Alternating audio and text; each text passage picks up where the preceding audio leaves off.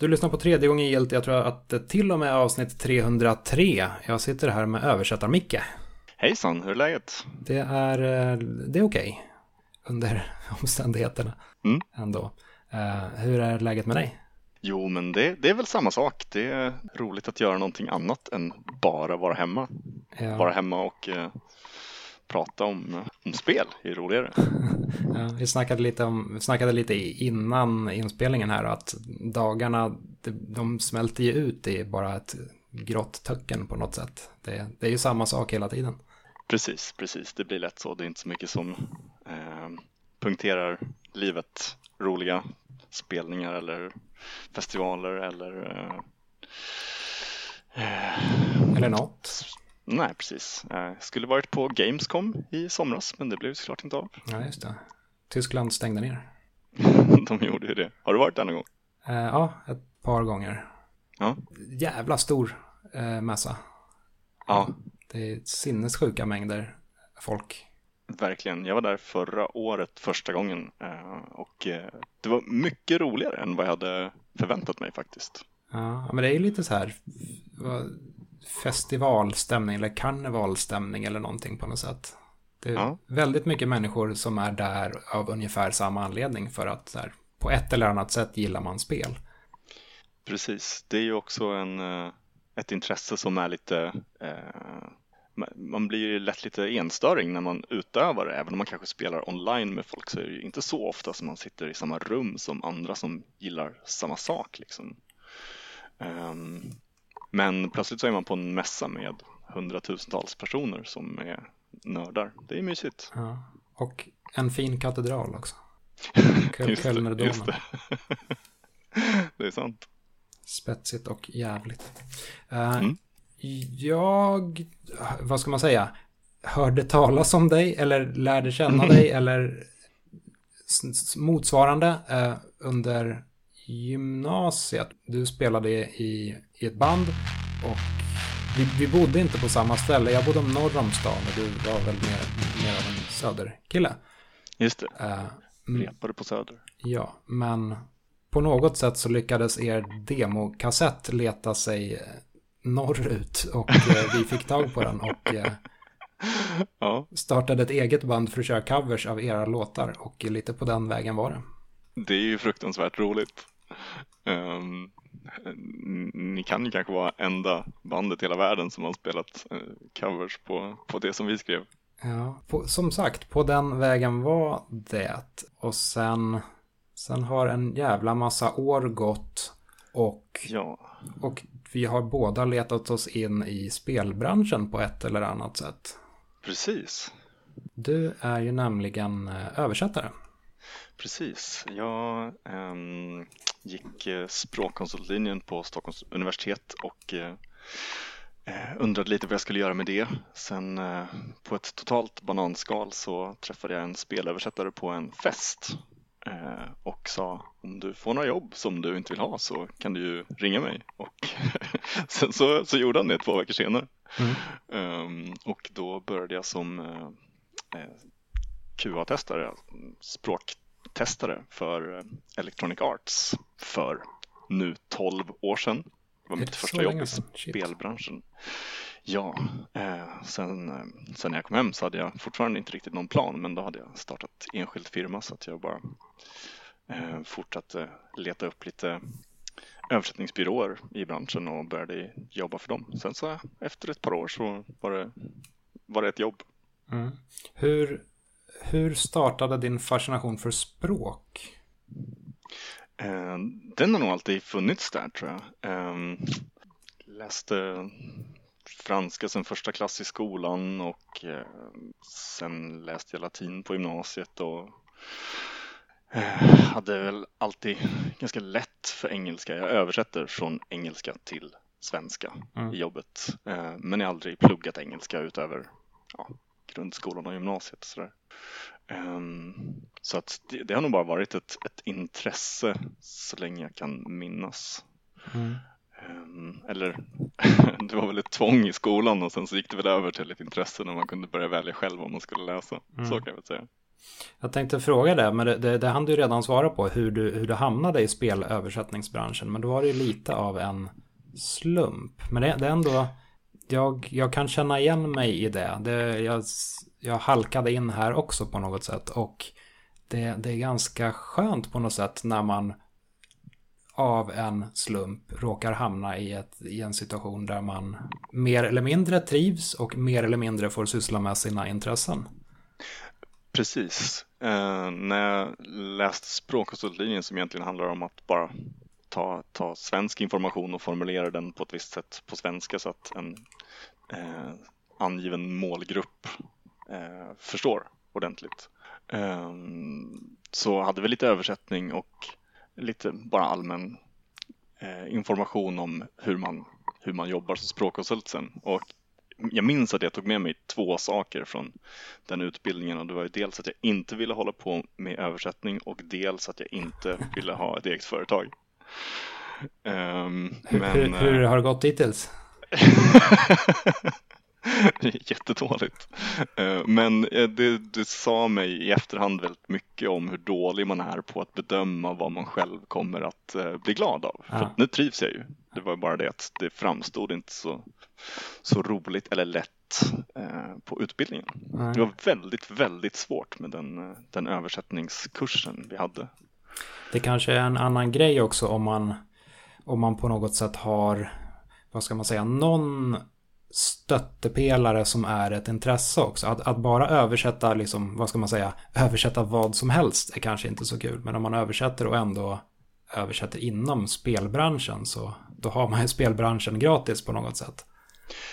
Det var precis eh, det som var svårigheten. Det var, jag tror vi hade två texter, en som handlade om eh, slaktbranschen och en som handlade om segling. Så det var väldigt mycket specifika ord på engelska och svenska, hängmörning och knopar och delar av segelbåtar som var, det tog oerhört lång tid att, uh, att försöka hitta bra ord.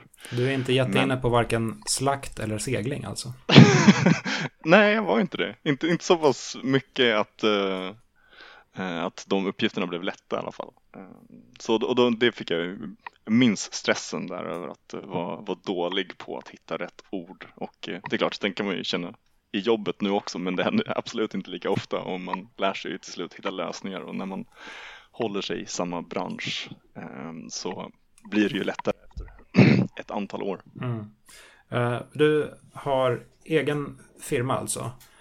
Ja. Och jobbar hemifrån under corona? Precis, precis. Så arbetsformen har varit helt oförändrad eh, men eh, Eh, men det blev, det blev lite mindre jobb under, under sommaren får jag ändå säga. Nu, börjar det, nu är det november och det börjar eh, ta sig igen. Mm. Hur ser en normal arbetsdag ut för dig? Mm, ja, det beror helt och hållet på hur, hur mycket jobb eh, som jag vet att jag har. Eh, men eh, om det är en, en, en åtta timmars arbetsdag, ibland är, det, ibland är det mindre, ibland är det väldigt mycket mer. Ja. Men, om man säger så här, vad har du gjort idag? Idag så har jag gått upp, eh, druckit kaffe och så har jag jobbat. Eh, jag är inte klar än, nu är klockan halv åtta på kvällen. Åh oh shit, eh, nu kommer jag och stör med en podcastinspelning mitt i din arbetsdag med andra ord. Ah, det, jag har kanske bara en timme kvar eller något sånt där och det här är ett väldigt skönt mentalt avbrott så att eh, det, det gör verkligen ingenting. Ja men bra. Eh, men en annan dag så kanske man är klar 11 på förmiddagen och då är det bara att svara på mail om det dyker upp något. Annars eh, är det ju en ganska fri arbets, eh, arbetsform. Ja, men jag som inte översätter, har, jag har liksom ingen riktig insikt i, i det här. Eh, hur, hur får du dina uppgifter så att säga? Alltså, hur pass mycket beskrivningar får du? Hur pass detaljerade är uppdragen? Mm.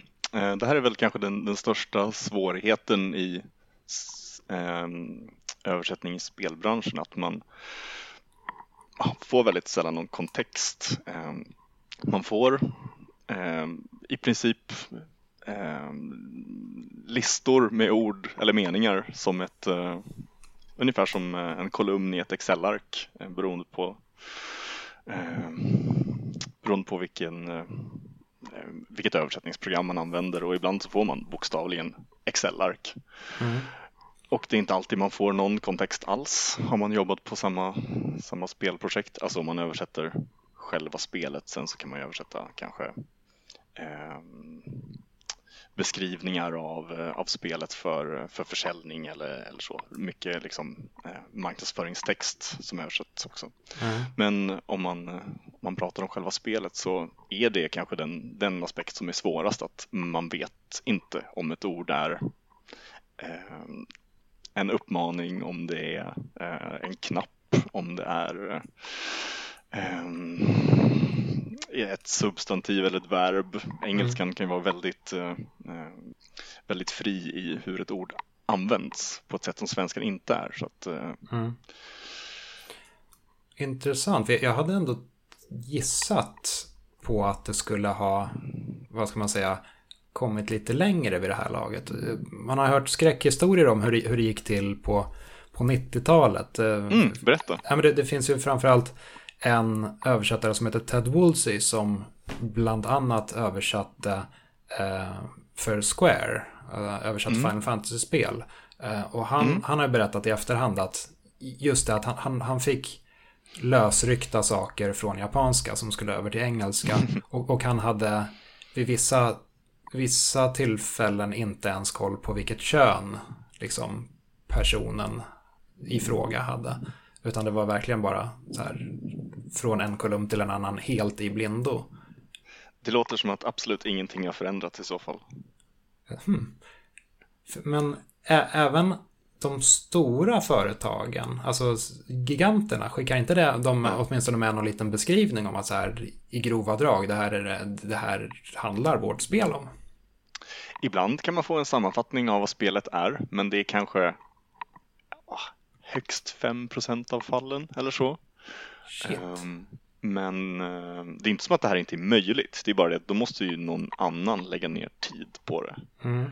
Um, och jag tror att väldigt många spelstudior fortfarande tänker att översättning är som, som en maskin. Man, man uh, matar in text och sen så kommer det ut annan text och sen så stoppar man in den i spelet. Sen är det klart. Mm. Så har de ju såklart förhoppningsvis språktestare som spelar spelet med översättningen och ser hur det ser ut och ja, hittar de sakerna som, som man inte kan förvänta sig att översättaren ska veta för att spelet är liksom inte klart än. Mm. Men eh, det är inte ens alla som har, som har språktestare. Jag tror att minst en av mina kunder bara tar mina översättningar, slänger in dem i spelet och låter det vara. Mm. Jag har översatt lite grejer från engelska till svenska i mm. alltså, intervjusammanhang till exempel. Eh, det. Och det är ju ganska knepigt, speciellt om man... Det, det, är lätt att falla in i fällan, eller jag som inte liksom har översatt alls lika mycket som, som du har, föll lätt in i fällan att man börjar man börjar, eller man går alldeles för bokstavligt på allting. Alltså det ska översättas ord för ord och då blir det väldigt styltigt och hackigt och onaturligt. Det blir liksom inget Just flow det. i det hela.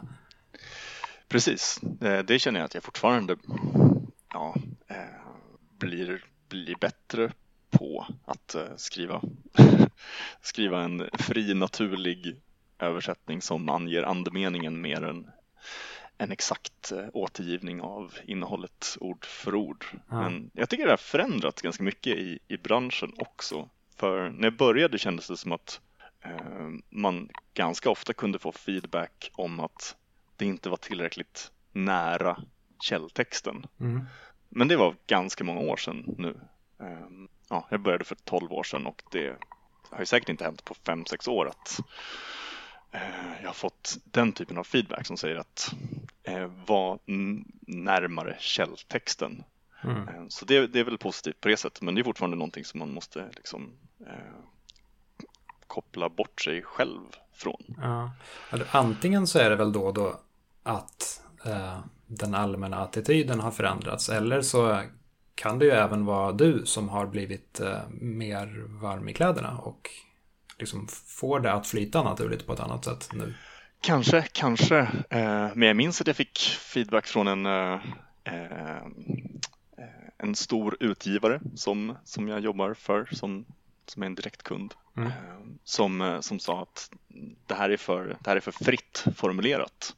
Fast jag tycker själv att det, liksom, det, det är nästan aldrig något problem att någonting är fritt formulerat. Det är inte som att det är inte som att det kan hända någonting um, ifall, uh, ifall det inte är exakt som källtexten. Mm. Då undrar man lite vem personen som ger den feedbacken är. Alltså vilket kugge i det stora, stora maskineriet är det här? Är det någon, en, en liten ensam person med egen, med en egen åsikt om det hela eller liksom är det en allmän policy? det är en jättebra fråga ehm, eftersom de flesta på den stora utgiven, utgivaren förstås inte pratar svenska och det är någon annan granskare som, som har eh, ja, givit den här feedbacken till, till utgivaren så måste ju de på något sätt bara varit överens om att det ska vara väldigt nära källtexten medan jag nog tycker att det är helt onödigt att det är mm. ord för ord. Ja men verkligen. Um, jag hade någon slags uh, förhoppning eller ambition som jag mer eller mindre börjar överge nu om att uh, jag, har ett, ett, ett, eh, ett, par spelfrågor riktade till dig här. Jag, jag funderade på, så här, mm. går det att vinkla om så att allting handlar om spelöversättningar? Jag börjar mer och mer tvivla på min förmåga att göra detta. Um, ja. Uh, om, om, vi, om vi skulle börja liksom. Vilket är ditt första spelminne? Um, I spelöversättningssammanhang. Mm, hur, fan, spel, hur fan går det till? Översättnings, ja. Um, uh, jag, jag, jag, hade nog inte ens tänkt på att det var uh, en ett, framförallt inte att det var ett jobb innan jag stötte på en person som höll på med det och jag själv tror jag spelade aldrig spel på svenska så att eh, det var nog inte förrän jag var liksom i 20-årsåldern som jag, som jag ens liksom blev medveten om att det här, att det här fanns. Mm. Um, men bara tidigare spelminnen så, så var det väl när jag var kanske när, när jag var barn och spelade 8-bits konsol hemma hos någon gissningsvis. Ja. Men angående just översättningar, visst var det lite så, eller det var så för mig i alla fall, att um, första gången man såg svenska i ett spel, då, då, då hajade man till lite och det, var, det kändes lite skevt och konstigt. Absolut, absolut. Jag kan fortfarande tycka att det känns skevt och konstigt eh, nu för att det är fortfarande så pass sällan man ser det. Mm. Eh, det jag kan säga att för några år sedan så var, var det fler liksom, stora spel som släpptes liksom, på konsol eller PC som som översattes. Nu är det väldigt, eh, väldigt övervägande mobilspel. Men å andra sidan så är det, verkar det vara väldigt, väldigt mycket mm. som översätts där. Jag tror att jag lite omedvetet klumpar ihop svenska spelöversättningar med svensktillverkade spel också. Och att bara back in the days så var, var det konstigt att Sverige överhuvudtaget hade någon slags eh, koppling till spelbranschen. Att liksom Verkligen. Pinball Dreams var utvecklat i Sverige. Det, det var flummigt för ja. spel skulle tillverkas i Japan. Eller möjligtvis ja. i England eller USA. Men så här, Sverige, Just de ska inte tillverka spel. Nej, um, nej det, det, har ju hänt uh, ganska många gånger senast uh, förra veckan att jag har översatt saker åt ett svenskt spelföretag uh, som de har skrivit på engelska för att de vill få det översatt till kanske ja, franska, tyska, spanska, italienska och ett gäng andra språk. Eh, och då måste det finnas på engelska. Men eh, de skriver texten på tyska, eller förlåt, engelska naturligtvis. Eh, de skriver texten på engelska och sen så ger de det till översättningsbyrån och en av de texterna som de beställer är svenska. Det är väldigt märkligt. Mm. Så det har hänt, eh, hänt, flera gånger att jag har översatt saker från engelska till svenska åt svenska spelföretag. Skumt. Och det är ofta ganska uppenbart att texten är skriven av en svensk person. Ja. Den engelska texten alltså. Vilket är ditt bästa spelminne? Och så vinklar man om det här till i spelöversättningssammanhang. Oh, ja, det är en jättebra fråga. Alltså, um, Ja, alltså de, jag gillar sci-fi-spel, eh, jag gillar shooters, eh, så Mass Effect-trilogin har ju varit en, en av mina favoritserier. Ehm, Men jag spelar ju alltid spel på engelska. Även om, även om alternativet skulle finnas och spela på svenska så skulle jag tycka att det kändes så konstigt, får jag erkänna. Ja. Ehm, Så, så det, är väl, det är väl min kommentar till eh, spelerfarenheter och översättning. Att eh, eh, Det känns sällan naturligt, men det är väl en vanlig sak bara fastän jag jobbar med det. Ja. Men det, det är sällan jag ser texten i spelen. Jag tycker att det, alltså så länge det, man, så länge det stämmer in i världen som spelet utspelar Mm. sig i så är det okej. Jag, jag har inga problem till exempel med att köra med japanskt tal om det är ett spel som utspelar sig i någorlunda japansk setting. Eh, Just det. Så det kanske helt enkelt skulle behövas ett spel som, jag vet inte, utspelar sig på Stureplan eller någonting. Det skulle, Absolut. Har du spelat eh, Generation Zero? Jag har inte det än. Nej. Men det, det, det är sant. Det har ju en väldigt typisk Stålenhagsk, utan för att för den delen vara Simon Stålenhag. Just det. Ehm, precis, men eh, ja, det var väl en hel eh, lite drama om det där var det inte att eh, de hade lånat lite väl mycket av hans eh, idéer och stil. Ja, det ser ju väldigt, väldigt mycket ut som hans grejer. Men även om han nog inte har fått några pengar för, eh, för Generation Zero så, så kan man ju formulera det som att om man gillar Simon Stålenhag så kan man spela Generation Zero. Ja. Det var lite som jag snackade med eh, Gearbox för massa, massa år sedan när de, när de höll på att lansera eh, vad heter den här? Aliens eh, Colonial Marines. Eh, Just. Mm. Aliens-spelet. Och, Mm. och frågade om de hade övervägt att plocka in eh, Giger som skulle Mm. designa det hela. Och, och Ja. fick då svaret att så här, nej det har vi ingen anledning att göra. Han har ju redan liksom gj- gjort riktlinjerna så vi kan ju liksom plocka hans grejer rakt av. Okej, okej. Ja, Det är lite småfult men jag antar att de har en poäng i det hela. ja. Ehm, När man, men- när man väl har kommit med ett konstnärligt uttryck så har man släppt lös det i världen på något sätt och då är det allmän, Just det, allmänt. just det. Man kan inte, man kan inte copyrighta, copyrighta en stil liksom. Nej, inte när den väl har blivit lössläppt i världen. Nej, precis. Jag tror jag, tror jag över, eller överger hela det här ehm, Mm. eh, konceptet med spelöversättningar. Vi Ja. fokuserar bara på spelen istället. Vilket är ditt bästa spelminne? Mm.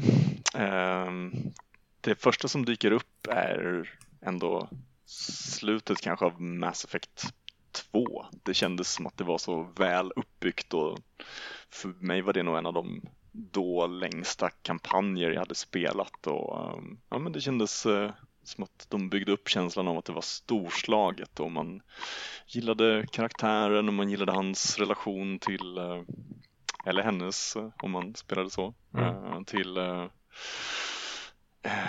till de andra karaktärerna som man, som man mötte och ja, jag har saknat det i kommande spel efter det. Andromeda var en besvikelse men eh, Anthem var en ännu större besvikelse. Ja. Jag funderar på det, för det, det är ju en så här trilogisamling, Mass Effect-trilogi-greja på gång inför 2021. Just det, Eh, och jag vet inte riktigt om jag vill, vill spela den eller inte. nej, Jag, man har, eller ja, liksom, det, det finns vissa minnen, fina minnen som jag har kvar av att spela Mm. genom Mass Effect. Och jag tror inte att de blir bättre av att spela om det. Nej, och ibland så kan ju spelmekanik kanske ha åldrats inte så väl. Jag minns när jag spelade eh, remaken av eh, Halo 1 Mm.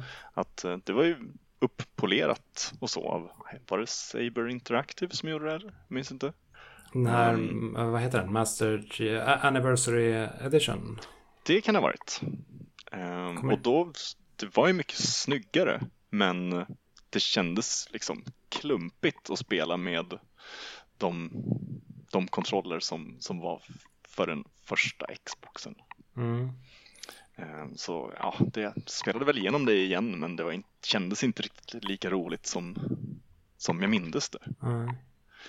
Och jag kan tänka mig att det har hänt lite grann med, ja, med spel som man inte har tänkt på i, alltså vad man tar för givet i uh, spelkontrollerna till exempel som kanske inte är lika, lika kul i Mass Effect 1 nu som det var då. Ja, första Mass Effect är från 2007 också så det är ju fan 13 år sedan. Ja, det är ett tag sedan. Det finns uh, numera 13-åringar som inte var födda när Mass Effect släpptes. Det är jättekonstigt. Vilket var det första spelet du köpte för egna pengar? Mm, för egna pengar. Mm, det måste varit någonting till uh, Sega. Mega Drive? Um, uh, Master System, 8-bits-konsolen. Ah, till och med? Ja, uh, det, var, det var min första konsol. Sen var det, ja, om man inte räknar min första bärbara konsol var en Gameboy men sen var det ett hopp mellan 8-bits-segan och den första Xboxen som var ganska många år senare. Mm. Så jag antar att det första spelet jag köpte var till den konsolen, men jag minns ärligt talat inte vad det var. Mm. Kan det ha varit Alex Kid in Miracle World kanske? Mm. Men det är ju ändå ett, ett intressant val, eller jag vet inte hur mycket val det är egentligen när man är liten, men att, att det blev just en Master System och inte en NES. Mm. Det, var, det kan jag säga att det var mina föräldrars val på julafton. Du ska, du ska ha tv-spel, du får det här. Ja, precis. Take precis. it or leave it. Uh, jag, jag, jag, var nog missnöjd också för att alla jag kände hade Nintendo. Men det var någon på stor och liten, kan det ha varit, som sa att det, det här är, är den bra konsolen. Jag har ingen aning om vad, vad, hur samtalet gick, men, uh, men så var det. Så jag har, jag har mina barnminnen på, på Sega. Ja, det... De flesta andra har sina Super Mario-minnen. Det är lite, det lite mer hardcore på något sätt. Kanske lite smalare möjligen. Ofrivilligt hardcore. ja, precis. Ja, jag känner mig inte så hardcore annars i mina spelval. Det är väldigt, ja. Jag gillar mycket trippel A-spel så att eh, jag är ingen sån nördig indie eh, fäbless. Vilket spel har du lagt ner mest tid på? Mm, det är en intressant fråga. Eh, mm, ja, det kan vara Destiny. Uh, skäms lite över att säga det. Nej, jag gillar ju Halo-serien, spelat alla dem. Ja. Uh, väldigt tidigt när första Destiny hade släppts så, så minns jag en, en post på, på Reddit som hade uh, rubriken Addictive versus, versus Fun. Mm. Och jag tyckte att det fångade Destiny väldigt väl. Att de var bra på att uh, göra spelet så att man fastnar i det men inte nödvändigtvis så att man har roligt medan man spelar. Right. Väldigt mycket samla material ja. och ändå så här ge den här belöningskänslan uh, fast inte för att man har gjort någonting roligt. Så det blir som att, jag vet inte, bli belönad för att diska eller någonting sånt där. Mm. Men inte, inte ha storslagna spelupplevelser. Diska det, ja. Men, eh, alltså nu, nu är det, nu, om man räknar in Destiny 2 så är det säkert 1500 timmar eller 2000 kanske. Ja. Vad, Annars... vad tycker du om vad Bungie gjorde med Destiny 2? Uh... Är det bra? Är det dåligt? Går, går serien åt rätt riktning om man säger så?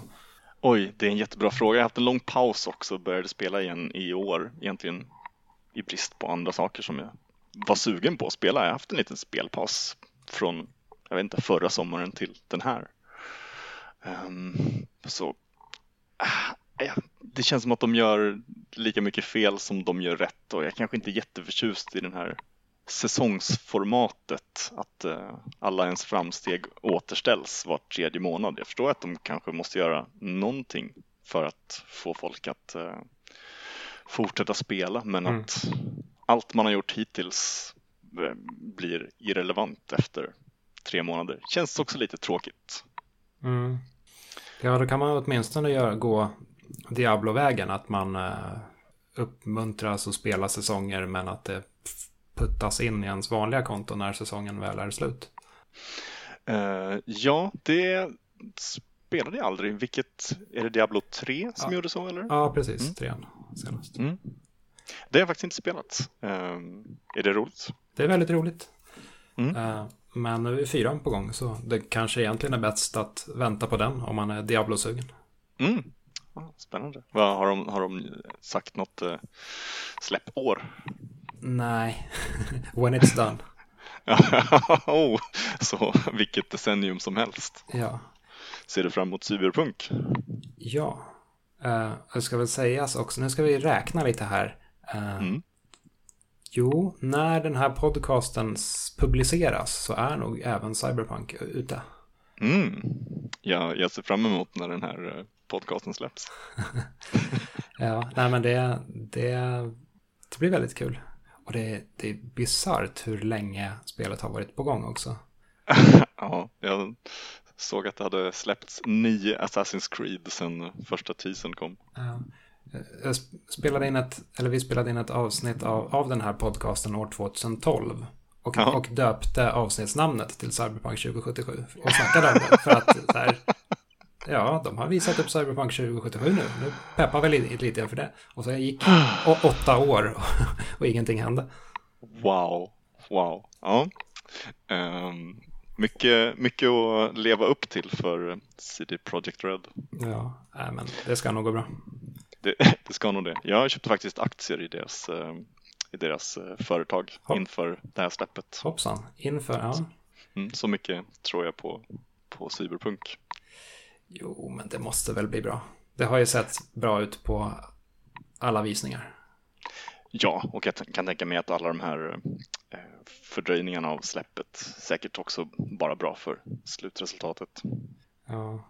Vågar man gissa, gissa på ett Metacritic score här? Oh, modigt! Där känner jag att eh, du har mycket högre kompetens än jag, men eh, nu vill jag höra ditt svar. Ja, som sagt, har, det här är ju...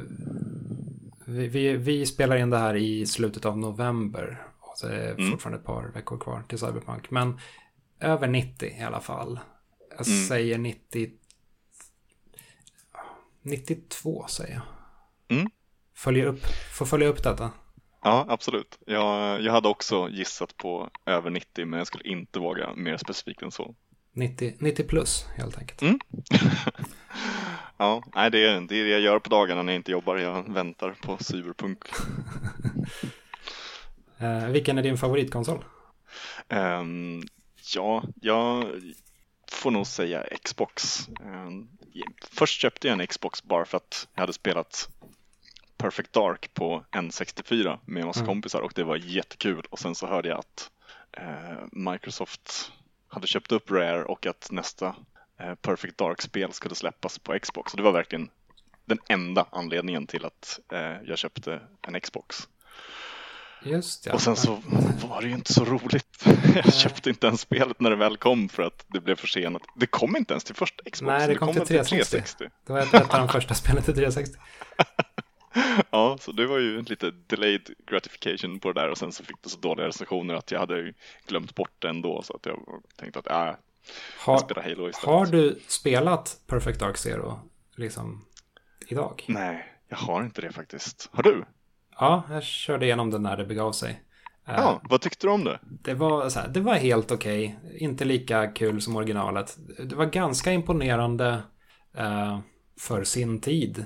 Vilket väl var, vad var det, 2005 eller något sånt. Eh, Mm. Det var ganska skarpa texturer och ganska lång draw distance har jag för mig. Eh, Men jag, kan- jag kan tänka mig att det är ett spel som inte har åldrats jätteväl. För det var ju ganska smaklöst på något sätt också. Ja, det, det drabbades väl lite grann av det där att vara ett, ett tidigt spel i en generation och inte vara liksom utvecklarna kanske inte helt bekväma i den nya hårdvaran. Mm. Vi befinner oss ju i ett, just ett sånt skifte mellan generationer just nu också. Playstation 4 blir Playstation 5, Xbox One blir Xbox Series X. Just nu, eller har alldeles nyss hänt.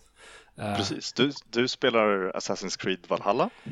Ja, på Xbox. Kör du något Next Gen? Ehm, jag har en Series X. Ehm, vad har jag spelat? Jag har spelat lite Gears 5 Ja. ehm, som har fått en uppdatering. Eh, jag har spelat lite Tetris. Ja, Tetris eh, Connected. Eh, Eller. Effect Connected. Just det, precis. Ehm, och det är oväntat roligt får jag säga. Ja, det är skitbra. Ja. Uh, vad tycker du om Assassin's Creed Valhalla? Vad tycker du att uh, den, den nya generationens Assassin's Creed uh, ja. tycker att den lever upp grafikmässigt till jo, alltså, förväntningarna? Alltså, det är väl ganska snyggt, men det är inte så här bisarrt snyggt. Det, för varje ny konsolgeneration som kommer så känns ju skillnaderna allt mindre. Uh, det var ju mycket mer skillnad förr i tiden när det kom en ny konsolgeneration. Eh, ska, ska sägas också att jag har inte kört Assassin's Creed sen första Assassin's Creed. Jag körde ettan. Och sen har jag hoppat över alla spel fram till Valhalla. wow, eh, okay. Av någon anledning. Mm. Eh, mm. Men Valhalla, Valhalla, är ganska kul. Men ja. jag, jag, eh, alltså om, om, det, om det är, liksom, vad ska man säga, den stora anledningen till att köra Next Gen eller köra Xbox Series X, då vet jag inte om man behöver göra det. det, det, det jag, jag, vet inte riktigt vad jag vill spela på de här nya maskinerna för tillfället. Det, det finns ju liksom inga riktigt grymma spel. Jag, jag håller helt med. Um, jag kollade på Digital Foundries um, ja, granskning av Assassin's Creed och uh, tänkte att ja, det är snyggt men hade inte blivit chockerad om det hade varit på en, en Xbox One. Nej. Och det är väl lite så också, och det, det var det ju redan i förra generationsskiftet när ett gäng spel släpptes både till Playstation 3 och Playstation 4. Battlefield 4 mm. hamnade där emellan och Call of Duty Ghosts hamnade där också, jag för mig. I skarven mm. liksom. Um, nej, men jag, jag, skulle gärna spela nya Spiderman-spelet och eh, Demon Souls till Playstation 5. Men det. det går ju inte att få tag på en Playstation 5 nu. Nej. Um, ja, nej, ja, det, det, finns, det finns spel till Playstation som jag vill spela också och jag kommer väl köpa en någon gång när jag känner att jag har spelat klart det, det jag måste på Series X någon gång nästa år. Mm. Men det, det, sammanfaller ganska bra ändå det här med att maskinerna kommer nog bli lite lättare att få tag på lagom till dess att det kanske kommer lite schyssta spel också.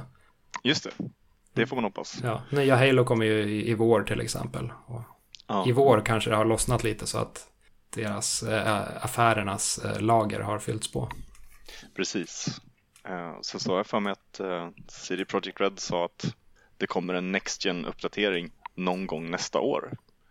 Så jag tänker att man ska kanske inte ha för stora förväntningar på ett, eh, ett, ett cyberpunkt som ser väldigt Next Genit ut på Series X eller PS5.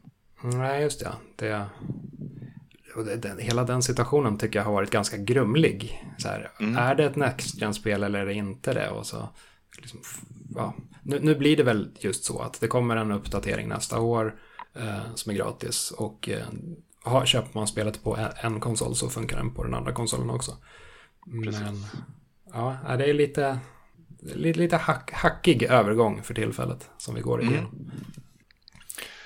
Vilken spellåt skulle du vilja göra en cover på? um, det, det, första jag, jag, kommer att tänka på är uh, den här fina uh, avslutningslåten i, i Portal. Yes, som, yes. som Glados sjunger. Still Alive.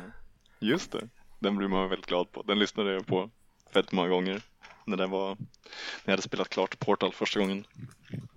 Det måste ju ha gjorts någon metal-version av den. Frågan är om det har gjort en, gjorts en black metal-version av den.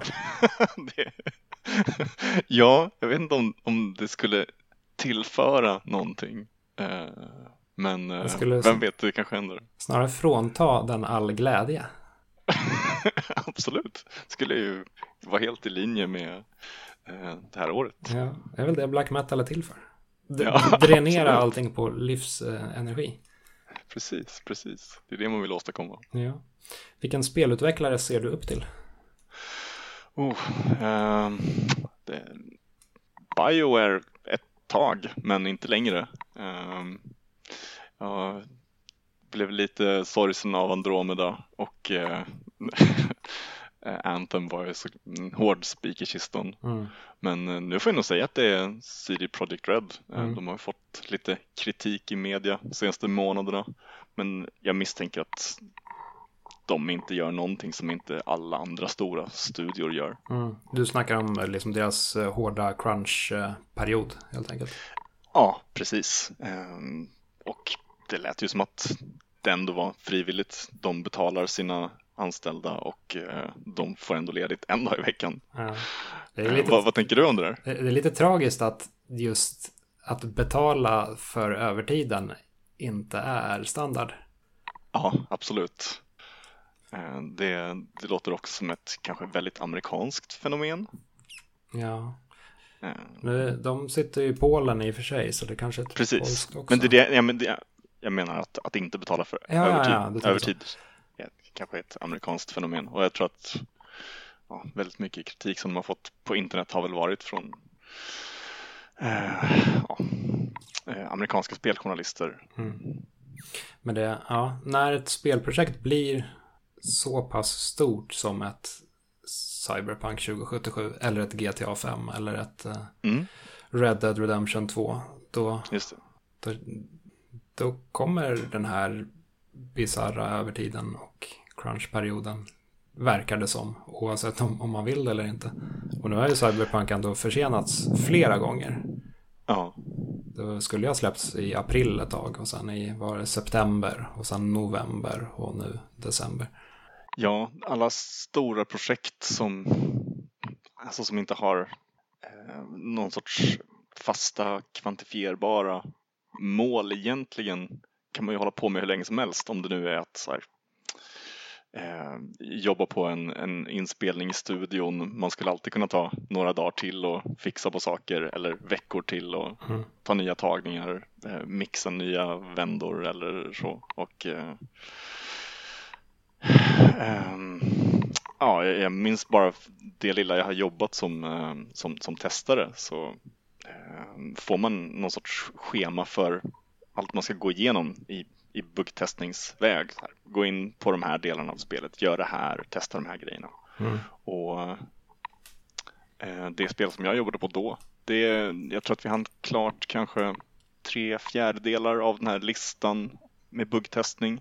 Eh, och de sa, nej, nu är det klart, nu, nu har vi gjort allting vi skulle. Jag försökte säga till vår projektledare att alltså, vi har ju absolut inte hunnit färdigt, men det var, det var inte ett det var inte ett problem, så här är det alltid. Vi, nu, har vi, nu är tiden slut, så nu är vi Mm. klara. Nu släpper vi spelet. Men hur, det, det, hur såg informationen ut i förhand då? Alltså, för det låter ju som att det kom som en, en överraskning då, att plötsligt var tiden slut. Men det, det kan ju inte ha kommit som en överraskning från eh, de i toppen. Ehm, hmm. Jag, jag tänker, vi, vi, vi Ja. har gjort, eh, vårt lilla företag, vi har gjort ett spel, eh, 1980X. Och det drog ut mycket på tiden. Och liksom Mm. det kostade mycket mer pengar än vad vi trodde. Och det tog väldigt mycket mer tid än vad vi trodde. Eh, Mm. Men i vårt fall så kan vi ju på något sätt skylla på att vi var få personer som inte riktigt visste vad vi gjorde. För det, här. det var ju vårt första spel och vi var ett litet eh, indie-team som Mm. inte riktigt hade koll. Eh, Men när ett, ett, ett, företag som Rockstar eller CD, CD Projekt Red gör ett spel. Det är, ju, det är ju folk som har gjort spel i årtionden. Och det är så många människor inblandade. Och man, man kan ju tycka att de borde veta hur lång tid en grej tar. Visst att det tar mycket tid. Visst att Cyberpunk eh, 2077 tar massa år. Men liksom, varför inte säga december redan från början? Istället för april. Ja, ehm, bra fråga. Mm, Det, det ligger jättemycket i vad du säger, men eh, eh, någonstans så tror jag att det är som med all, alla andra projekt att det är klart när man säger att nu, nu lägger vi ner. Eh, sen så kanske man sätter ett datum i framtiden och sen så inser man hur mycket mer det finns som man skulle kunna göra eller som man skulle vilja göra. Mm. Och för att hinna med det mesta så tänker man väl att ja, vi får jobba övertid. Och eh, det verkar ju inte vara någon brist på folk som vill jobba i spelbranschen och det är väl kanske det största problemet att det är så många som, som, som vill jobba med översättning, testning, mm. eh, utveckling, ja, alla delar av den. Så att eh, det, det, det, finns alltid någon annan som kan ersätta den. Ja. Så att folk vågar inte klaga. Och det, det, har glorifierats lite under årens lopp också. Inte minst från, vad ska man säga, mitt håll, spelmedia-hållet. Att det finns massa legender och, och historier om så här, de japanska spelutvecklarna som gjorde de här stora spelklassikerna. Och under tiden så jobbade de eh, dygnet runt och de sov på kontoret och de hade små luftmadrasser under sina skrivbord och så där. Och så, mm. så blir det en bra story. Och så tänker man att så här, det, det, det, det låter lite spännande det där. Ja, då låter det som, som, som eldsjälar, men eh, det kanske är mer sant i eh, fallet en indie-studio. Det, det har du kanske mer insikt i än jag. Eh, än, eh, jag vet inte, folk som jobbar på ett jättestort företag i ett, eh, eh, ett stort höghus och det är deras vardag. Ja. Nej, det är inte, det, känns, det känns lite skevt. Och lite, det är lite konstigt också för just den här, den här typen av projekt som ofta drabbas hårdast av crunchperioder och så. Det är ju även de spelen som man själv är riktigt peppad på. Som i Cyberpunks fall till exempel. Det är ju mm. ett av årets absolut största spelhändelser. Eh, men sen vet man ändå i bakhuvudet att det här har nog kostat ganska många människor ganska många hårstrån på huvudet. ja, det tror jag verkligen. Det tror jag verkligen. Eller hjärnceller eller vad man nu väljer att räkna. vad, vad var din, din upplevelse som, som utvecklare när ni släppte ert spel? Det var ju ändå ert det var inte att ni gick till ett kontor och jobbade på någon annans projekt? Och... Ja, eh, jo men det var, det var på sätt och vis väldigt roligt och på andra sätt och vis sjukt stressande. Det var någon form av hatkärlek där. Och ganska lång, under ganska lång tid så var åtminstone jag ganska säker på att det aldrig någonsin skulle liksom släppas. Att vi, okay. vi, kommer, ja men bara så här, det, det, är för mycket. Det är för många saker vi måste lägga in. Vi har för lite tid, vi har för lite resurser. Det, det här kommer ja. inte bli verklighet någon gång. Eh, så det, ja. Så, så hur var er, eller din upplevelse när, när ni satt, satt ett releasedatum? Satt ni ett releasedatum innan ni var klara eller gjorde ni det så klart ni ville och sen sa ni nu släpper vi det? Och jag kommer faktiskt inte ihåg exakt hur det gick till. Men det var nog... Vi var nog hyfsat säkra på att det skulle släppas då. Um, mm. Det var... Det var väldigt befriande. Men sen samtidigt så blev det lite grumligt för vår release på sätt och vis schabblades vår release bort. Vi hade tänkt släppa det på Playstation 4 och på eh, Steam samtidigt. Men mm. eh, PS4-versionen blev försenad. Det var, mm.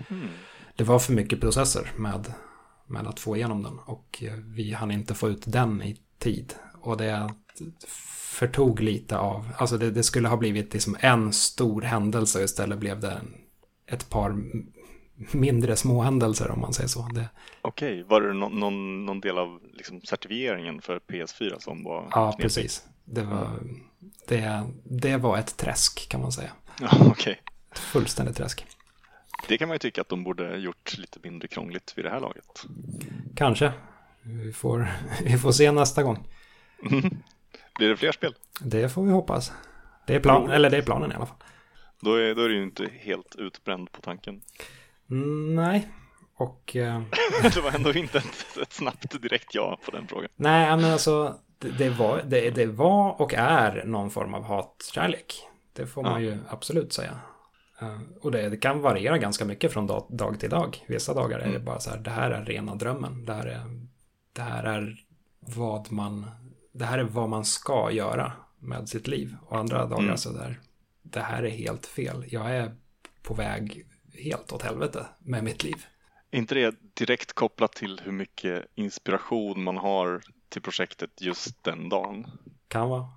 Och även, äh, det, jo men absolut, dels det, men även äh, hur, bara så här småsaker som hur dagen har flutit på. I vissa, vissa ja. dagar så lyckas man göra ganska bra grejer. Inte bara inom spelutveckling utan bara så här när man gör någonting kreativt. Ibland har man ett, ett flow och saker funkar. Andra Mm. dagar så kör någonting ihop sig med tekniken och så sitter man hela dagen och bara försöker brottas med, ja, i vårt fall Unity. Eh, Och eh, så här, ingenting funkar som man vill. Och så känns det som att man bara har slängt bort en hel dag. Det kan svänga. Svänga ganska Mm. Ja, visst, felsökning är inte det man vill ägna livet åt. Nej. Vilket, nej, nu ska vi se. Om du, den här är lite rolig. Om du fick göra en ny del i en existerande spelserie, vilken skulle du då välja och framförallt vad skulle du göra med den? Åh gud vad roligt. Eh, hmm. Och du får då ett litet team som helt enkelt gör det du säger. jag förstår, jag förstår. Eh, vil- vilken, rolig fråga. Vad, vad, vad mycket det fanns som man skulle vilja göra. För det finns, Så- det finns ju ofta några grejer, även i de bra spelen, som man tänker att nej, det där, det där håller inte riktigt. nej, precis. Eh,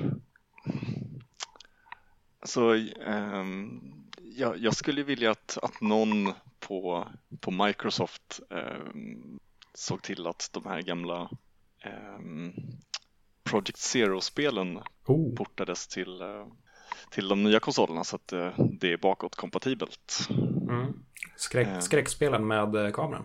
Ja, exakt. Vad, vad glad jag blir att du, att du känner till dem. Ja, absolut. Jag har, vad, vad är din relation till, till skräckspel? Ja, jag gillar skräckspel. Ehm, Ja. jag, jag spelar inte jättemycket skräckspel längre, dessvärre. Ehm, men jag hade en period, det var väl så här Resident Evil 1 som födde intresset från början och sen gled man vidare på Silent Hill och sådär. Jag har väl egentligen kanske inte grävt jättemycket i ehm, de lite mer obskyra skräckspelen. Det finns ju massor med skräckspel om man verkligen gräver djupt. Jag har väl kanske mest hållit mig lite mainstream. Eh, men jag gillar skräckspel. Eh, Har du spelat eh, Amnesia? ja, det har Hur, jag. hur gick det? Vad sa du? Hur gick det? Eh, jo, jo, men det, det gick väl bra. Jag, eh, jag vet inte, jag, jag håller nog inte Amnesia. Jag, jag har förstått att det är väldigt många som gillar Amnesia väldigt mycket. Men jag Mm. har nog inte riktigt, jag tror att det var lite för, det är fult att säga för men så här lite, lite för låg budget på något sätt. Mm.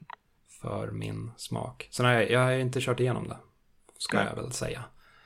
Jag får säga att jag, jag gillar idén med skräckspel mycket mer än vad jag i praktiken gillar att spela dem för att det, är liksom, det blir en för stark upplevelse. Jag älskar skräckfilm men Mm. jag bara liksom kommer in i skräckspel för mycket Mm. och det, det är bara för traumatiserande att dö hela tiden. Mm. Ehm, Det, det, det var det som fascinerade mig med skräckspel från början. Att det var just, vad ska man säga, det var verklig skräck på något sätt. Det var, mm, det var som en skräckfilm fast en helt ny nivå av det hela. verkligen, man tar det mer personligt när någon blir mördad i, i spelet för att det är ens egen karaktär Ja. och inte, inte bara någon i en film. Ja, jag har någon minne av att när, när jag körde igenom första Resident Evil på Playstation 1 så var jag tvungen att ta pauser då och då. När jag där helt enkelt bara la ifrån mig handkontrollen, sprang ut i lägenheten och bara så här ska, skakade av mig all ångest och skräck innan jag här, någon minut senare kunde gå och fortsätta köra. Ja. Ja, jag spelade inte klart eh, Project Zero och inte uppföljaren heller. Ehm, nästan båda, men eh, det, det var ju för även det ganska milda skräckspelet jämfört med ja, många andra som finns. Mm. var lite för mycket. Och nu jag skulle vilja ge det ett, ett nytt försök. Ehm, jag testade Amnesia till exempel, men jag tror inte det kom mer än några minuter in i det innan jag insåg att det här, det här kommer inte, Inte sluta Ja. väl. nej, det kommer inte palla. Ehm, men jag, jag, jag vill liksom, eh, jag vill kunna spela skräckspel, men jag tror inte att, eh, tror inte att det kommer gå. Nu, Har du kört PT? Eh, vilket är det? PT, vilket står för Playable Teaser. Ehm, det vet jag inte vad det är, berätta. Det är, det är, eh, kan vara typ ett av de absolut bästa skräckspelen jag har kört. Det är, ehm, ett tag så var det ju tal om att Hideo Kojima skulle göra nästa Silent Hill-del. Han skulle göra ett spel som heter Silent Hills. Uh, Just det, nu låter det här lite bekant. Det kan vara så att du har berättat om det här förut. Men... Kan, kan vara. Uh, I alla fall. Igen. Han skulle göra ett nytt Silent Hill som heter Silent Hills och de släppte därmed någon slags ja men just playable teaser, grafikdemonstration, ja. proof of concept-greja. Eh, som kort och gott heter PT. Okay. Två bokstäver. Eh, och det är så här första persons perspektiv och man går i en L-formad korridor. Mm -hmm. eh, som loopar om och om igen. Men sen händer det gradvis flummigare och flummigare saker i den här Aha. lilla, lilla loopen. Eh, spelet, spelet, eller om det ens kan kallas för ett spel, det var ju liksom mm. just ett demo. Eh, det var mm. gratis att ladda ner ett tag. Eh, sen fick Kojima kicken från Konami. För att det var, ja, de råkade i luven på varandra. Och Konami småsint nog plockade bort det här spelet. Så det går liksom ah. inte att ladda ner längre. Okay. Vilket har gjort det ännu mer legendariskt naturligtvis. Men om man laddade ner det så liksom går det fortfarande att spela. Mm. Och jag, jag, tror även att det går att så här fulhacka in på sin konsol på något sätt. Ja. Uh, men det är, det är, uh, ja det är lite svårt att rekommendera då i och med att det är svårt att få tag på. Men det är verkligen briljant. briljant och du har spelat det? Ja. Coolt. Ja, det, det låter ju spännande. Det, när internet finns så är det inte så mycket som blir uh, mytologiskt längre. Allt Men det där finns. låter ju som att det uppnår mytstatus ja. när det inte är nedladdningsbart längre. Och eh, liksom om Konami brydde sig om sitt anseende, vilket de inte verkar göra på något mm. sätt, så skulle de helt enkelt ta och släppa det här igen. Släpp det lös på Playstation 5 och bara så här, här, ja. ta det. Det skulle vara väldigt mycket goodwill mot fansen. Just det. Ja, det känns som att det är någonting som inte så många i spelbranschen, alltså som tillverkar spel eller hårdvara, har riktigt förstått sig på det där med goodwill. Nej, de, de kör åt andra hållet istället. Kör crunch istället för goodwill. ja. Vilket spel har fått dig att slänga handkontrollen i väggen? Oh. Jag får erkänna att det är nog eh, Dead or Alive 3 kanske. Mm. Ehm, jag har inte spelat så många fighting-spel, eh, men jag var ganska bra på det och eh, när jag fick stryk av andra så ehm, det är, det är nog det mest, det mest förbannade jag har blivit på, på, på ett spel. Um, ja, det är någonting, det, det, det, har flera andra personer sagt. Eller inte just mm. Dead or Alive 3, men uh, just fighting-spel. Fighting och att uh, uh. Det, är, det är så personligt. Det är, ja. det är, bara man själv man har att skylla när Precis. saker går fel. Och det är någonting med spelformatet som gör att det blir extra frustrerande när man, eh, när man misslyckas. Jag vet inte riktigt varför. Mm. Mm. Är du en sån som uh, får köpa nya handkontroller regelbundet? Nej, det, skulle jag nog inte säga. Jag, jag, jag, är inte så jättemycket för multiplayer-spel. Jag vet inte om det på något mm. sätt har räddat mina handkontroller. Men jag, jag föredrar i regel single player-spel. Eh, och ja. nej, jag slänger inte jättemycket handkontroller omkring mig. Nej, det är, det är samma här. Jag, jag har inte faktiskt uh, slängt någon i golvet. Men det, det har känts nära. Jag har lite för bra impulskontroll kanske. Mm. Um, vilket spel har fått dig att gråta? Oj då. Ja men eh, det, det har nog varit några stycken. Uh, Journey tror jag. Mm. Det var väldigt fint. Slutet? Ja, precis. Uh, jag skulle sälja min PS4 för att jag inte spelade någonting på den. Sen så kom jag på att just det, jag har fan inte spelat Journey. Det måste jag göra. Så jag spelade det liksom dagen innan jag skulle sälja den. Åh oh shit, vilken timing. Ja, så kände jag att så här, hmm, det här måste jag spela igen någon gång. Ehm, så ja, det får jag väl spela när jag köper min PS5 någon gång ja. nästa år. Det är, det är, så vackert också för att det, man, man känner sig på något sätt som en del av något större också. Man, man får den här kopplingen till, till mänskligheten på något sätt med de andra spelarna. Ja, verkligen. Ehm, mm, de, ehm, de fick till en stämning där som förvånansvärt få eh, spel får till. Ja. Sen så, ja, det, jag vet att det är fler, men eh, eh, kommer inte på fler just nu. Det var alltså, ja, Mm. som sagt en, eh, en period med lite för lite spelande det senaste året. Playstation 5. Det Mm. blir den stora gråtkonsolen.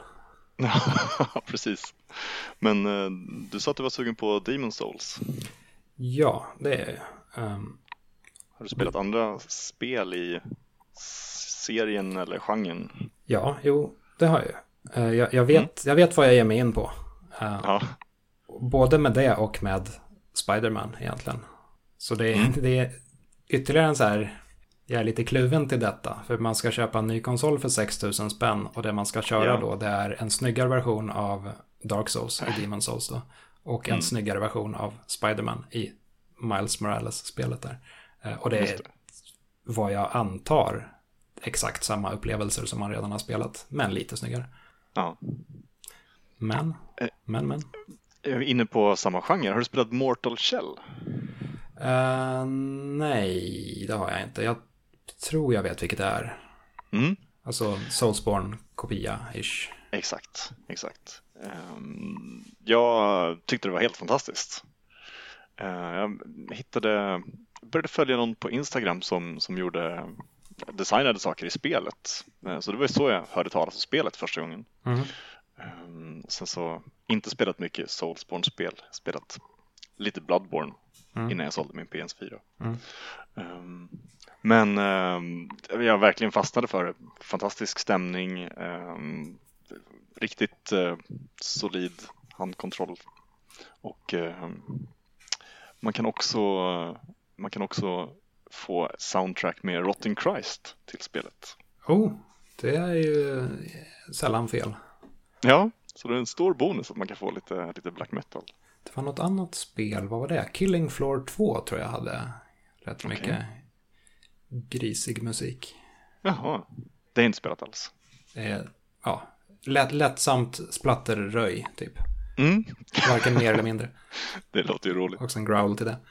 Ja, härligt. Men eh, just Soulsborne-genren och, eh, och då kanske de spelen som just inte kommer från, som, från, som, vad säger jag, från From Software. Eh, eh, kopiorna om man så vill. Eh, Mm. d- De... Det känns som att de på något sätt slår lite från underläge. Eller de- de måste hävda sig extra mycket. ex- eh, Mer än vad spel överlag måste hävda sig. För liksom Mhm. ett sju av tio så här helt okej spel i en annan spelgenre kan jag inte bara tolerera utan så här, ha ganska kul med. Jag tycker det är, så här, det, det är ganska trivsamt att spela ett, ett helt okej spel ibland. Men att spela ett helt okej Soulsborne-spel, det är, det är riskabelt. För jag, Ja, om man då kör fast på första bossen och ska möta den, eller nöta den i tio gånger, tio liv eller någonting sånt där. just det. Det, då, då, ska, då ska kontrollen sitta och liksom det ska vara en putsad, polerad, genomarbetad upplevelse. Att spela ett slarvigt gjort Soulsborne-spel, det är ju pest. Precis, om man, om man dör många gånger så vill man ändå känna att det är ens eget fel och att man skulle kunna göra det bättre om man bara lärde sig lite mer. Ja, Man vill inte känna att man kämpar mot eh, att spelet är slarvigt gjort. precis. Funkar det, tycker du? Um, alltså jag tyckte att uh, Mortal Shell var fantastiskt. Jag är inte särskilt bra på den typen av spel. Eh, jag har spelat som sagt lite, lite Bloodborne, Mm. jag älskade världen men jag spelade klart det och eh, har börjat på Dark Souls men jag kan inte säga att jag kommit särskilt långt. Ehm, däremot Mortal Shell fastnade jag för. Ja. Det har en del förlåtande spelmekanik som man kan Ehm, som man kan lära sig som underlättar ganska mycket. Så att det är nog ett, eh, vad ska man säga, ett, ett litet snäpp lättare än, än Dark Souls. Ja. ja, men det är väl kanske rimligt då. Alltså hellre göra det lite för lätt än lite för svårt om man, om man inte är from software. Om man eh, liksom inte riktigt har samma, jag, nu- jag har inte kört det själv som sagt, men samma fingertoppskänsla kanske man vågar dra till med ändå. Precis, men, eh, men ändå eh, finns, det finns bredd i vapnen man kan använda och det är inte så stort. Jag tror att de var liksom 12-15 personer som utvecklade hela spelet. Mm. Eh, och det är inte, alltså jag tror att det är tre stora bossar eller något sånt där. Eh, Jag vet inte hur många det är i ett Dark Souls-spel men betydligt fler misstänker jag. Ja, det är ju ändå tiotals. Ja, just det. Ehm, så att ja, det är eh, begränsat, eh, begränsad storlek på spelet men det känns som att de har gjort det de gjorde bra istället för att göra ett fullstort spel som är utspätt. Ja. Nu blir jag i och för sig lite nyfiken på det när, när du säger att det inte har speciellt många bossar. För jag, jag tycker nog att bossarna är det sämsta med Soulsborne-spelen. Eller det är, det är i alla fall Mm. inte därför jag spelar dem. Jag, jag gillar att utforska världen och att så här långsamt kartlägga mina miljöer. Eh, Mm. Bossarna ser jag som ett nödvändigt ont för att låsa upp mer, mer värld att utforska. Ja. Jag kan absolut förstå, förstå den upplevelsen. Ehm, Men ehm, det jag skulle beskriva Mortal Shell som ett eh, bite-size eh, Soulsborne-spel. Hmm, jag ska kolla in detta. Mm. Eh, vilken spelvärld skulle du vilja flytta in i? Oj, oj, oj. Alltså, Det kanske blir Ja. Mortal Shell. det låter jättejobbigt. Ehm, ja, det finns för sig. Det finns, eh, finns ett litet påskägg i, uh, i Mortal Shell som eh, ett alternativt slut som, som, som skulle vara rätt, rätt okej. Eh, men uh, ska inte, inte spoila något. Mm, gud, alltså de flesta spelvärldar som, som jag gillar att vara i, det är ju De det mörka. är ju världar där man man räddar världen eller sig själv genom att skjuta saker i ansiktet. Det är ju det, är ju det roliga. Ehm, s- motorsåga monster. Ehm, Det är det man så jag vet inte, jag kan inte komma på så många ehm, Så många glada världar. Nej, nej, jag har inte spelat så många färgglada spel faktiskt. Ja. Mass Effect vore väl åtminstone tolererbart. Kanske. Absolut, absolut. Det känns ju som att eh, med lite tur så, så skulle man ju hinna leva klart sitt liv och dö av ålderdomssvaghet innan de där stora monstren kom och ehm, eh, skörda den. Just det. Reaper, Reaper-tutan. Just det, just det, så heter de ja. Ehm, har du någon spelvärld som du skulle vilja, vilja leva i? Mm, ja, alltså Zelda-spelen är ju ofta tillräckligt snälla men samtidigt, ja men de, de har en ganska bra balans mellan spänning och eh, mys på något sätt. Mm. Sen liksom Bloodborne har ju en jättefin värld men det kanske inte vore jättekul att vara där. Precis. Det, det passar, passar bättre som förströelse än som, eh, som livsstil. Mm. Vilken spelserie skulle du vilja återuppliva? Oj, eh, vilken bra fråga. Eh, mm, det känns som att man har blivit så, så desillusionerad av eh, saker som har släppts. Att, eh, Alla spelserier redan är återupplivade. Ja, eller bara att man har liksom ing- inget hopp om att någonsin få uppleva saker på den nivå som man, jag vet det kanske bara är att det, det är bättre i ens, ens minne än vad det, vad det kan bli igen. Ja. Det är ju för sig ett sätt att se på saken. Att så här, låt de spelserier som är döda vara döda. Gör nya spel. Ja, ja. Eh, jag skulle ju jättegärna vilja spela eh, ett nytt Mass Effect-spel som var så bra som, som till Gammal. exempel tvåan var. Ja. Bioware har ju i och för sig nu snackat om att de har ett nytt Mass Effect på gång. Ja, alltså det, det är ju, jag tvivlar ju inte på att det kommer komma fler Mass Effect-spel. Ehm, det, det är väl bara en tidsfråga. Och de borde ju ha tagit någon form av lärdom från Andromeda och göra, göra det åtminstone bättre än Andromeda. Det, det har jag absolut ingen som helst förhoppning om alls. Du tror att eh, det kommer bli ett nytt Andromeda? Eh, ja. ja. Shit. De måste ju på något sätt börja om och jag vet inte, dels hitta något bra sätt att berätta en historia i samma värld. Det är Fan. inte en jättelätt utmaning. Fan vilken badwill ändå om Bioware skulle gå ut och säga så här, ja, här har vi vårt nya Mass Effect. Det är Mass Effect Andromeda 2. Det vore, nä det vore nästan värt det bara för Ja. att höra fansens reaktion. Absolut, det vore jätteroligt. Nu är det väl kanske inte samma studio som gjorde Andromeda som gjorde Anthem, va? Var det det? Nej, det var väl snarare så att eh, Andromeda-teamet var deras B-team och Anthem-teamet var deras A-team. Och, och liksom Andromeda på något sätt köpte tid och resurser för att de skulle kunna göra verklighet av Anthem. Och så blev det ändå Ja. inte riktigt bra. Nej. Eh, men eh, apropå den här Mass Effect-trilogin som de pratar om ska komma Mm. nästa år eller vad det är. Ja, Ehm, det, det som jag skulle vilja spela från den, det är ju flerspelarläget i eh, Mass Effect 3. Spelade du det någonting? Nej, jag, kör, eller ja, jag körde igenom Mass Effect 3, men jag körde inte multiplayer. Mm. Eh, det var som ett sorts väldigt förenklat hårdläge Ja, som var kanske det roligaste online-läge som jag har spelat. what? Ehm, jag tror att jag la, jag spelade igenom kampanjen Ja. en eller två gånger kanske och det tog väl kanske, jag vet inte, 30-40 timmar att spela per gång eller något sånt. Mm.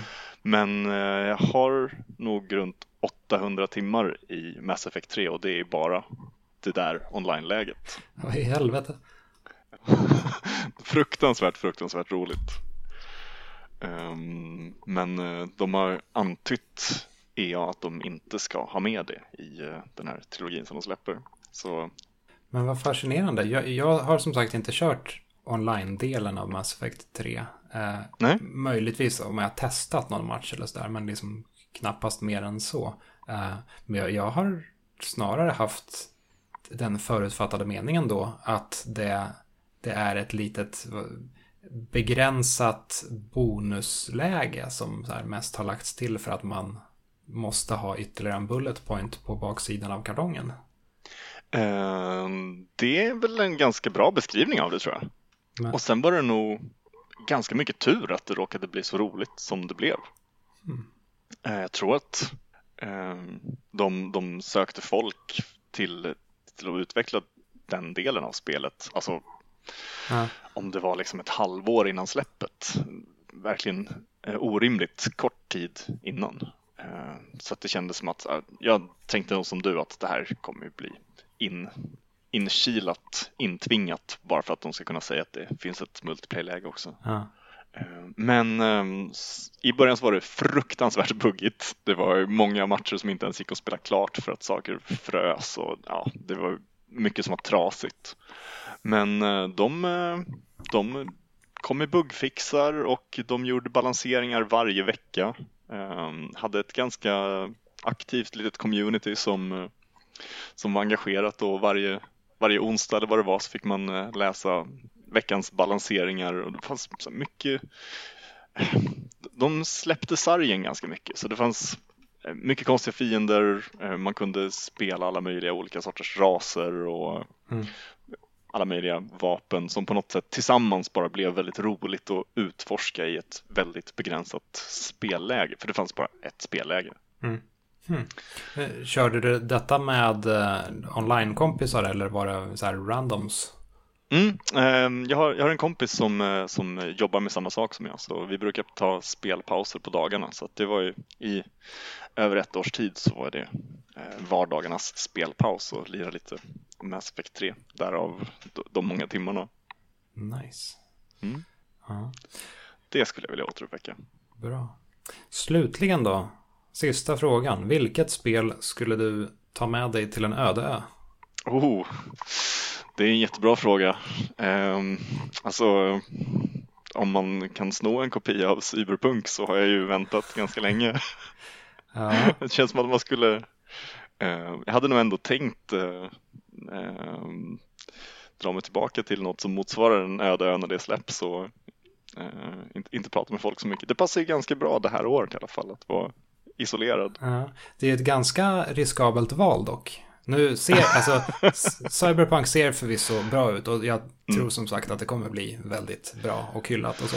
Men tänk om Mm. det visar sig att så här, ja men det, det, det är en, en slags CD Projekt Reds motsvarighet till Mass Effect Andromeda. Det är bara så här, Eller Ja. Anthem. Ja, det är ju ganska Ja, snyggt och så, men det, så här, det klickar inte riktigt och så här, det är lite konstig stämning. Vad fan, det, här, Ja. det var inte det här man ville ha. Nej, det, det vore ett, ett, ett hemskt, hemskt skämt. Eh, Men det vore också roligt om tio år kanske. Framförallt blir det roligt på en öde ö när du sitter där år 50 Mm. och Mm. harvar i detta sex av tio spel som är Cyberpunk 2077. Jag önskar att jag åtminstone hade haft en, en volleyboll med mig eller något sånt. Eller en Tom Hanks. Ja, ja, absolut. Det hade varit trevligt. V. Hanks. All right. Grymt. Tack för att du ville snacka lite tv-spel med mig. Tack själv, supertrevligt. Och du håller dig eh, för, du håller låg profil på internet. Eh, ja, det gör jag. Det är, det är väl ändå ganska uppfriskande och bra. Ja, det är, det är sunt att undvika sociala medier lite grann, särskilt ett år som det här. Jag tror det. Jag är osund. Så jag lägger ut den här podcasten på tredje gången podd på Instagram och så hänger jag på Twitter där jag heter Viktor underscore Ljungström. Men så får jag väl stå mitt kast också. Tack så jättemycket Viktor. Tack, tack.